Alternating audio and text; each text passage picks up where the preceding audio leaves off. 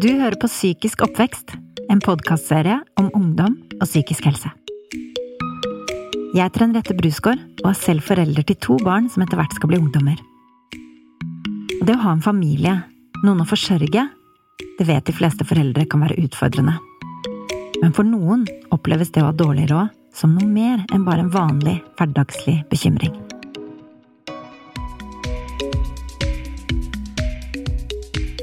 Det å være fattig i Norge i dag, det handler om at man ikke kan delta i samfunnet på lik linje som alle andre.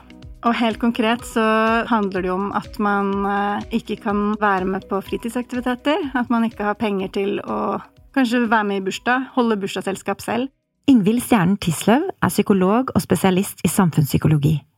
Hun jobber i Bufetat og har mange års erfaring fra barnevernsfeltet. Først og fremst eh, så er det kanskje viktig å si at konsekvensene med å vokse opp i fattigdom, de vil eh, være veldig ulike for, for, barna, altså avhengig av hva slags familieforhold de har, og også hva slags nærmiljø de vokser opp i. Så det er ikke, det er ikke kun på en måte hva slags inntekt familien har som spiller inn. Ingvild forteller at fattigdom i Norge ikke er absolutt fattigdom, som betyr at man ikke får dekket grunnleggende behov som mat, klær, hus, tilgang på grunnutdanning og primære helsetjenester. For foreldre så handler det veldig ofte om å hele tiden telle på kronene. Eh, når man går i butikken, så, så, er det en sånn kronisk stress eh, ved å være usikker på om man har råd til eh, det man skal handle. Man kan være redd for at man ikke har råd til å betale husleia si, at man er nødt til å flytte. En av de som har levd slik, er 29 år gamle Kajsa Augusta. Hun er trebarnsmor, har en femårig høyskoleutdanning og fast jobb i kommunen.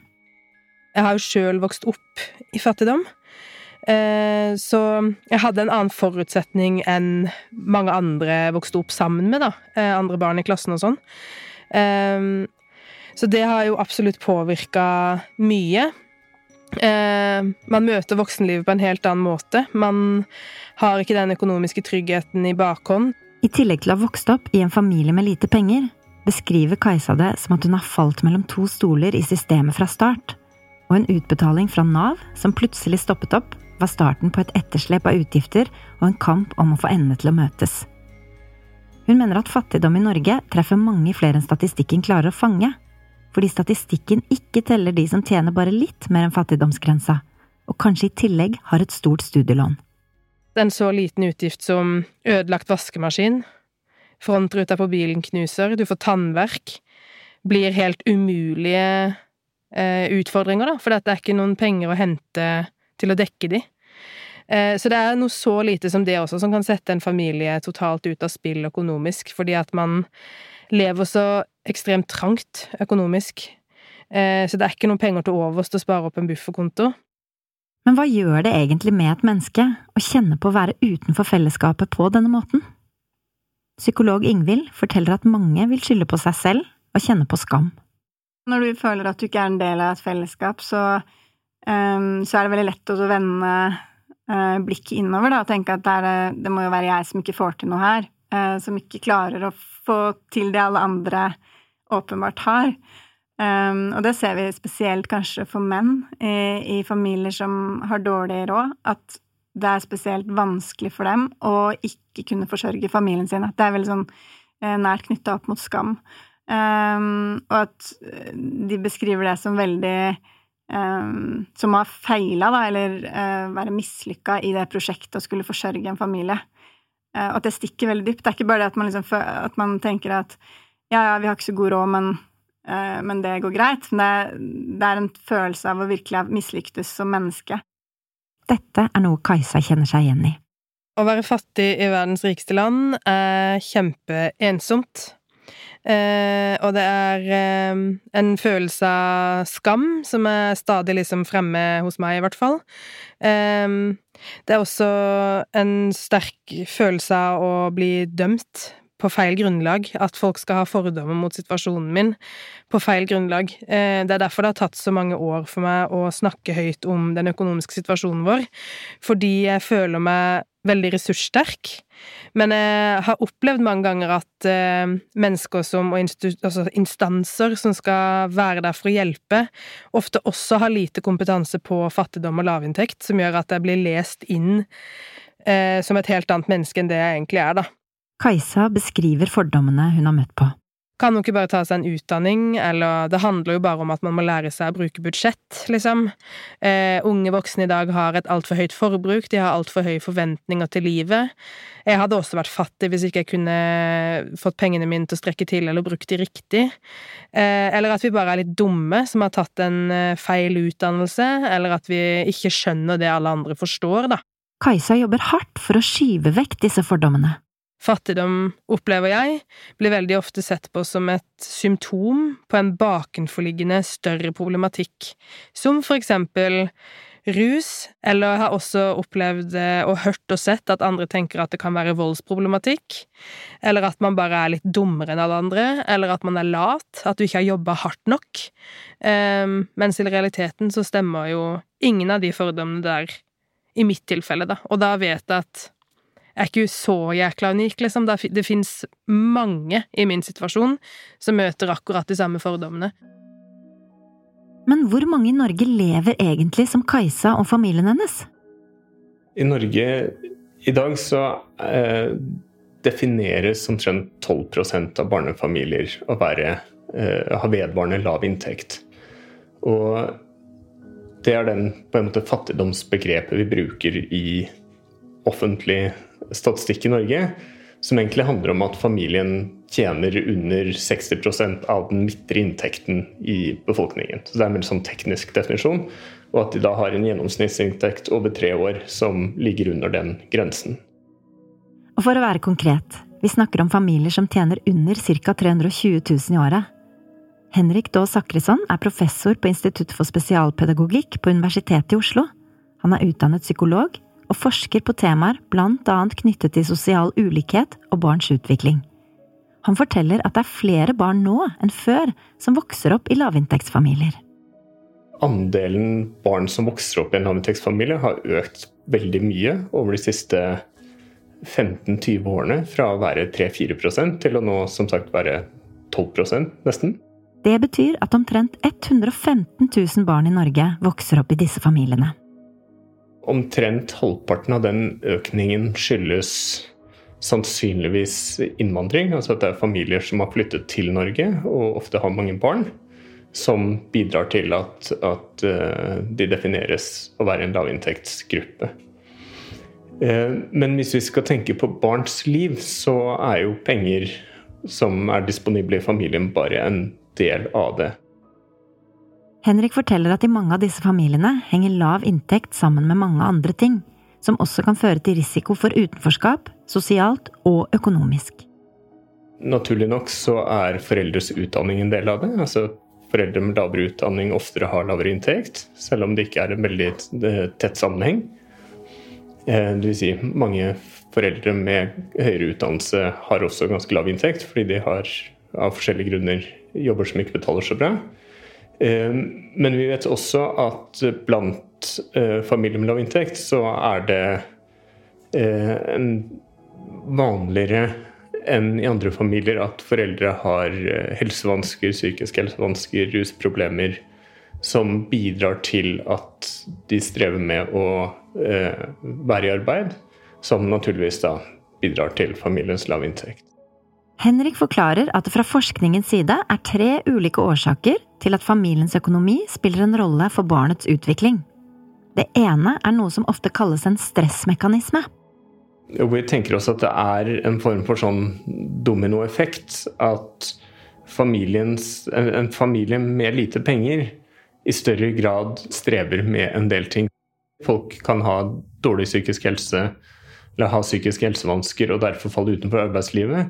Men også at det å leve med en konstant øh, økonomisk belastning, usikkerhet knyttet til om man kan betale strømregning og ha mat i kjøleskapet, øh, gjør noe med deg som forelder. Altså, så at en del foreldre reagerer på det med symptomer på bl.a. angst og depresjon, det vet vi.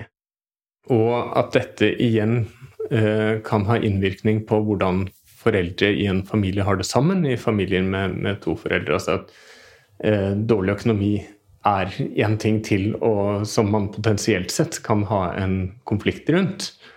Eh, og at den, det konstante stresset knyttet til familiens økonomi, sammen med eh, potensielle konflikter knyttet til familiens økonomi, eh, kan bidra til å påvirke hvordan foreldre er overfor barna sine.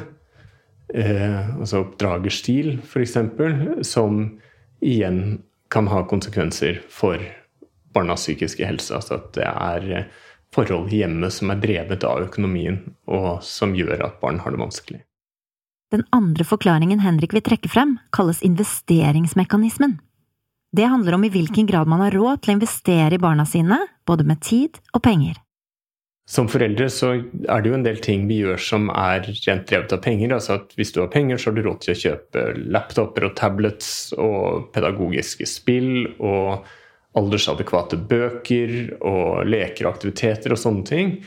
Eh, og eh, hva skal jeg si, mangel på penger eh, og vansker med å prioritere penger eh, kan gjøre at det er mindre av dette i familien, som igjen kan forplante seg over på barnas spesielt læring. Eh, men innenfor den si, investeringstenkningen så er det også et mer psykologisk aspekt som handler om igjen foreldre som har eh, lever under konstant økonomisk press. De har mindre eller mange foreldre som lever under, under konstant økonomisk press, har mindre kapasitet til å inngå i samspill med barna på en måte som også stimulerer barnas læring. Altså lese høyt, hjelpe til med lekser. Um, og igjen for foreldre som strever med uh, helsevansker, psykiske helsevansker, så vil jo det også potensielt sett kunne eh, redusere kapasiteten til å investere i barnas stimulering og læring. Den tredje og siste delen av dette handler om familiekulturen.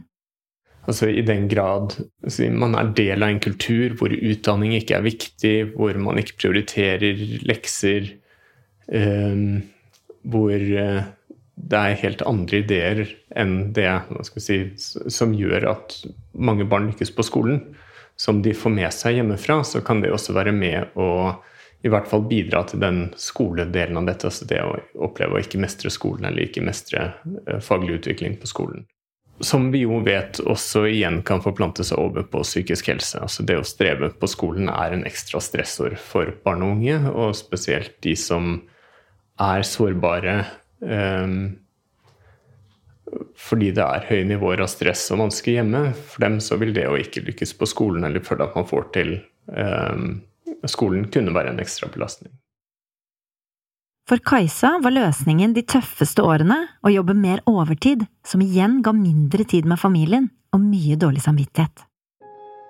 I de åra hvor vi hadde minst penger, så kunne en sånn liten notis nederst på ukeplanen som sa 'husk sykkel på mandag til sykkeldagen', eller de skal ha skidag på skolen, eller skøytedag, eller enda en bursdag, eller forventningen til å feire bursdagen på Leos lekeland eller Skyline eller et eller annet sånt aktivitetssenter som koster dødsmye, men som er blitt mer og mer vanlig, på en måte, da opplever jeg i min krets at det er en forventning at det er det man skal.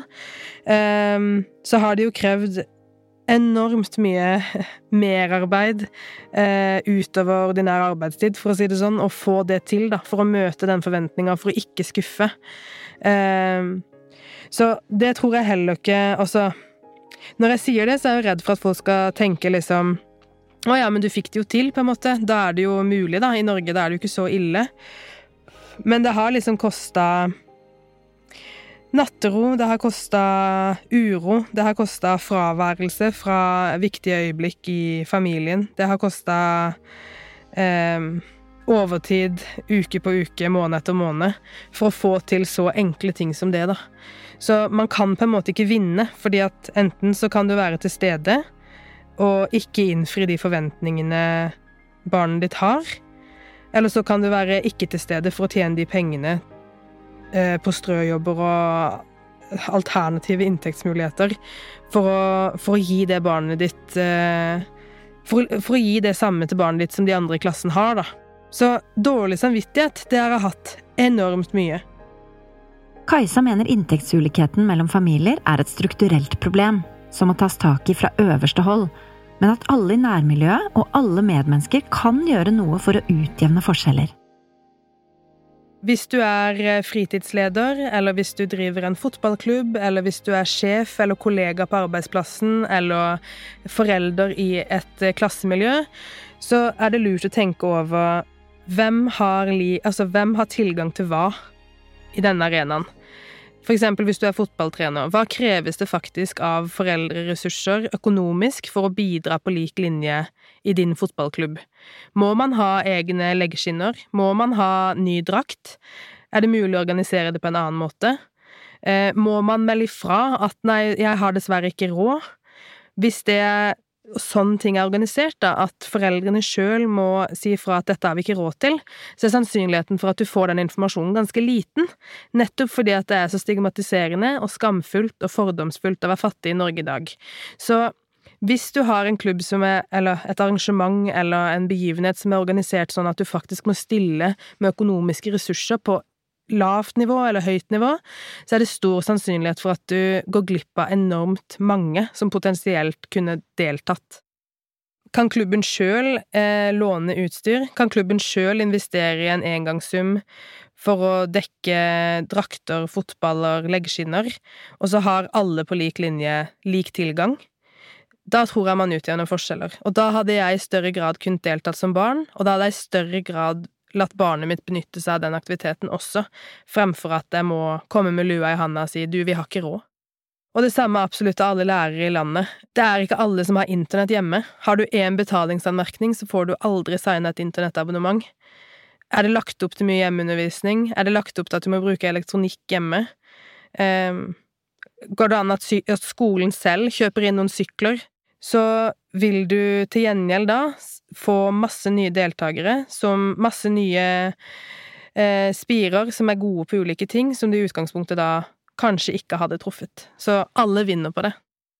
Professor Henrik Daa Sakrisson påpeker også at etter hvert som vi omgås flere, blir bevisstheten rundt hva andre har, større. Etter hvert som ungdommene vokser gjennom puberteten, så blir jo dette med si, bevissthet rundt hva man har og hva man ikke har, hva man kan delta på og ikke delta på, eh, mye tydeligere eh, merkeklær spiller jo i noen miljøer en større og større rolle. Det å reise på ferie og begynne å sammenligne og vite hva de andre gjør. Så etter hvert som eh, ungdommene blir eldre, så blir jo alle disse si, ekskluderingsarenaene tydeligere. Men hva kan vi som samfunn og nærmiljø gjøre for at hverdagen til de som har litt mindre, kan bli enklere? Ingvild Stjernen Tisløv har tips som medmennesker, så kan vi også gjøre ting for å gjøre det lettere å, å leve i familie med lavinntekt. Um, og det handler om vi, hvordan vi tenker gjennom um, hva ting koster, og hvordan vi kan sikre at alle, uansett hva slags økonomisk situasjon de har, og enten den er langvarig eller midlertidig, at alle barn får, får lov til å delta på de tingene som, som vi arrangerer. Og da tenker jeg på alt fra bursdagsfeiringer til klasseturer. Um, og sant, dette med hvor, hvor, mye skal du gi gave? Det er alltid, sånn, det er alltid et samtaleemne på, på foreldremøter. Jeg tror det er viktig å ha et reflektert forhold til disse tingene. Fordi eh, 50 kroner for meg er lite. For noen så er det på en måte det, det de har å kjøpe mat for den uka. Og det, det er viktig å ha med seg i bakhodet. Ingvild mener et viktig tiltak er at vi som samfunn rett og slett kan lære oss å bli mer inkluderende. Eh, vi har jo eh, i Norge en litt sånn kanskje restriktiv eh, greie på det å invitere folk på middag. og Føler at det må være ganske ordentlig og sånn. Um, jeg husker i hvert fall selv at jeg ofte måtte vente på rommet mens, mens, andre, mens vennene mine spiste middag. ikke sant? Og der tenker jeg vi kanskje kan utfordre oss selv litt sånn kulturelt sett, da. Um, kan, vi, kan vi sette ned en ekstra stol og dele på det vi har? Det trenger ikke å være liksom top notch middag og, og ordentlige former. Det kan være bare at vi deler den maten vi har. Men hva om du selv er forelder med mindre økonomiske ressurser? Hva er det man bør huske på dersom man står i en livssituasjon som gjør deg til en lavinntektsfamilie? Ifølge Ingvild er åpenhet viktig alle de familiene jeg har møtt opp igjennom, og de foreldrene og familiene jeg, jeg hører om hver dag, eh, dette er foreldre som virkelig står på eh, for barna sine, og som gjør alt de kan for at barna ikke skal merke at de er fattige. Eh, det er foreldrene som på en måte dropper å gå til tannlegen, eller som eh, går i gamle klær. Og det er foreldrene som, som, som sover med et pledd over seg. Sånn at det er ikke Det er ikke det at foreldre som har lite penger, er dårlige foreldre, men de er i en situasjon hvor det er kjempevanskelig å komme seg ut av det på egen hånd, da. Ingvild er opptatt av at det å ha lite i seg selv gjør det vanskeligere å komme ut av fattigdom, og at det derfor er ekstra viktig å tørre å dele utfordringene sine med noen. Mitt eh, viktigste kanskje råd, det er at ikke la skam, den skamfølelsen gjøre at du lar være å dele situasjonen din med noen du stoler på. Om det er en venn, en familiemedlem eller kanskje en saksbehandler på Nav, så tenker jeg at det er sånn første skritt for å kanskje få hjelp til den situasjonen du er i, da. Det er krevende å være forelder. Eh, det å være forelder med økonomisk knapphet, det legger på en måte bare én sten til på den byrden, og gjør at en del ting blir enda mer utfordrende. Det er ikke slik at skal si, foreldre skal sitte og føle på skyld eller klandre seg selv for en situasjon som de kan være bekymret for. Fordi alle familier kan komme i situasjoner hvor ting er vanskelig. Og selv om lav inntekt kan ha en påvirkning på barnas liv, så betyr ikke det at det kommer til å gå dårlig med barna på sikt. Når vi ser at det er en sammenheng mellom øh, familiens økonomi og barns oppvekstvilkår eller unges oppvekstvilkår, og øh, hvordan det går med dem senere i livet, så er det jo veldig, veldig mange som også hva skal vi si, avviker fra den sammenhengen vi finner. Eh, så det er ikke noen grunn til å tenke at fordi man har dårlig råd i dag, så kommer det til å gå dårlig med barna på sikt.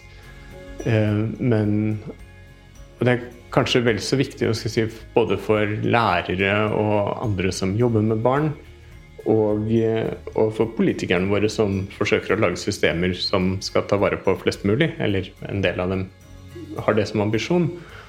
Eh, å være klar over at det er en øket risiko, det er en større sjanse for at ting kan bli vanskelig. Men det behøver ikke å bety at det blir det. Og som forelder så skal man ikke ta, ja, ikke ta det for alvorlig.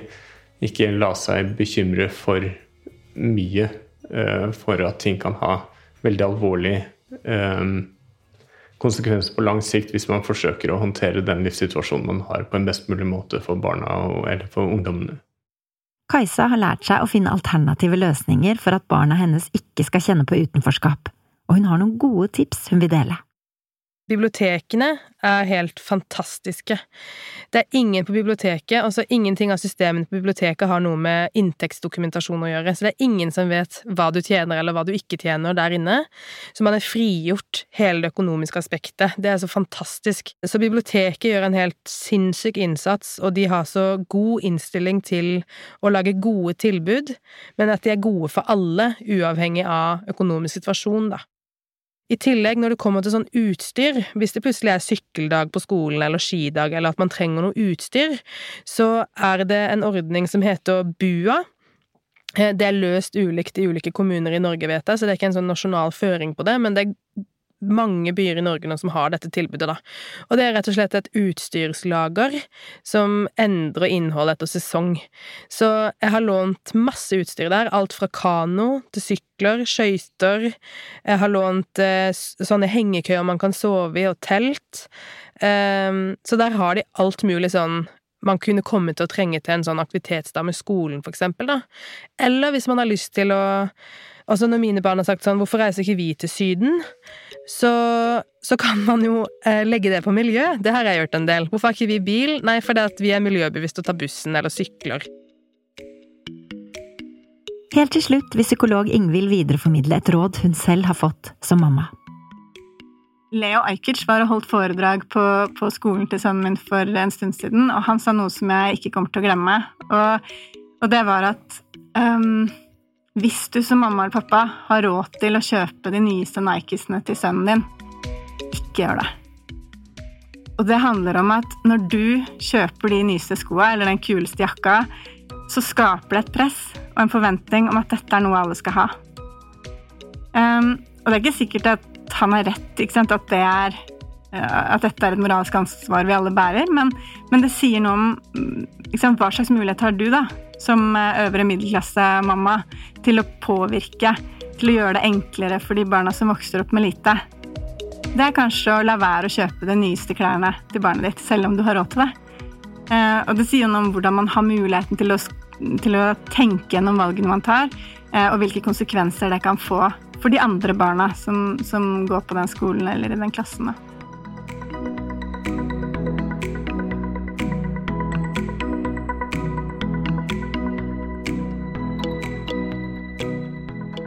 Denne podkasten er produsert av Vrang Produksjon for Rådet for psykisk helse, med støtte fra Stiftelsen DAM.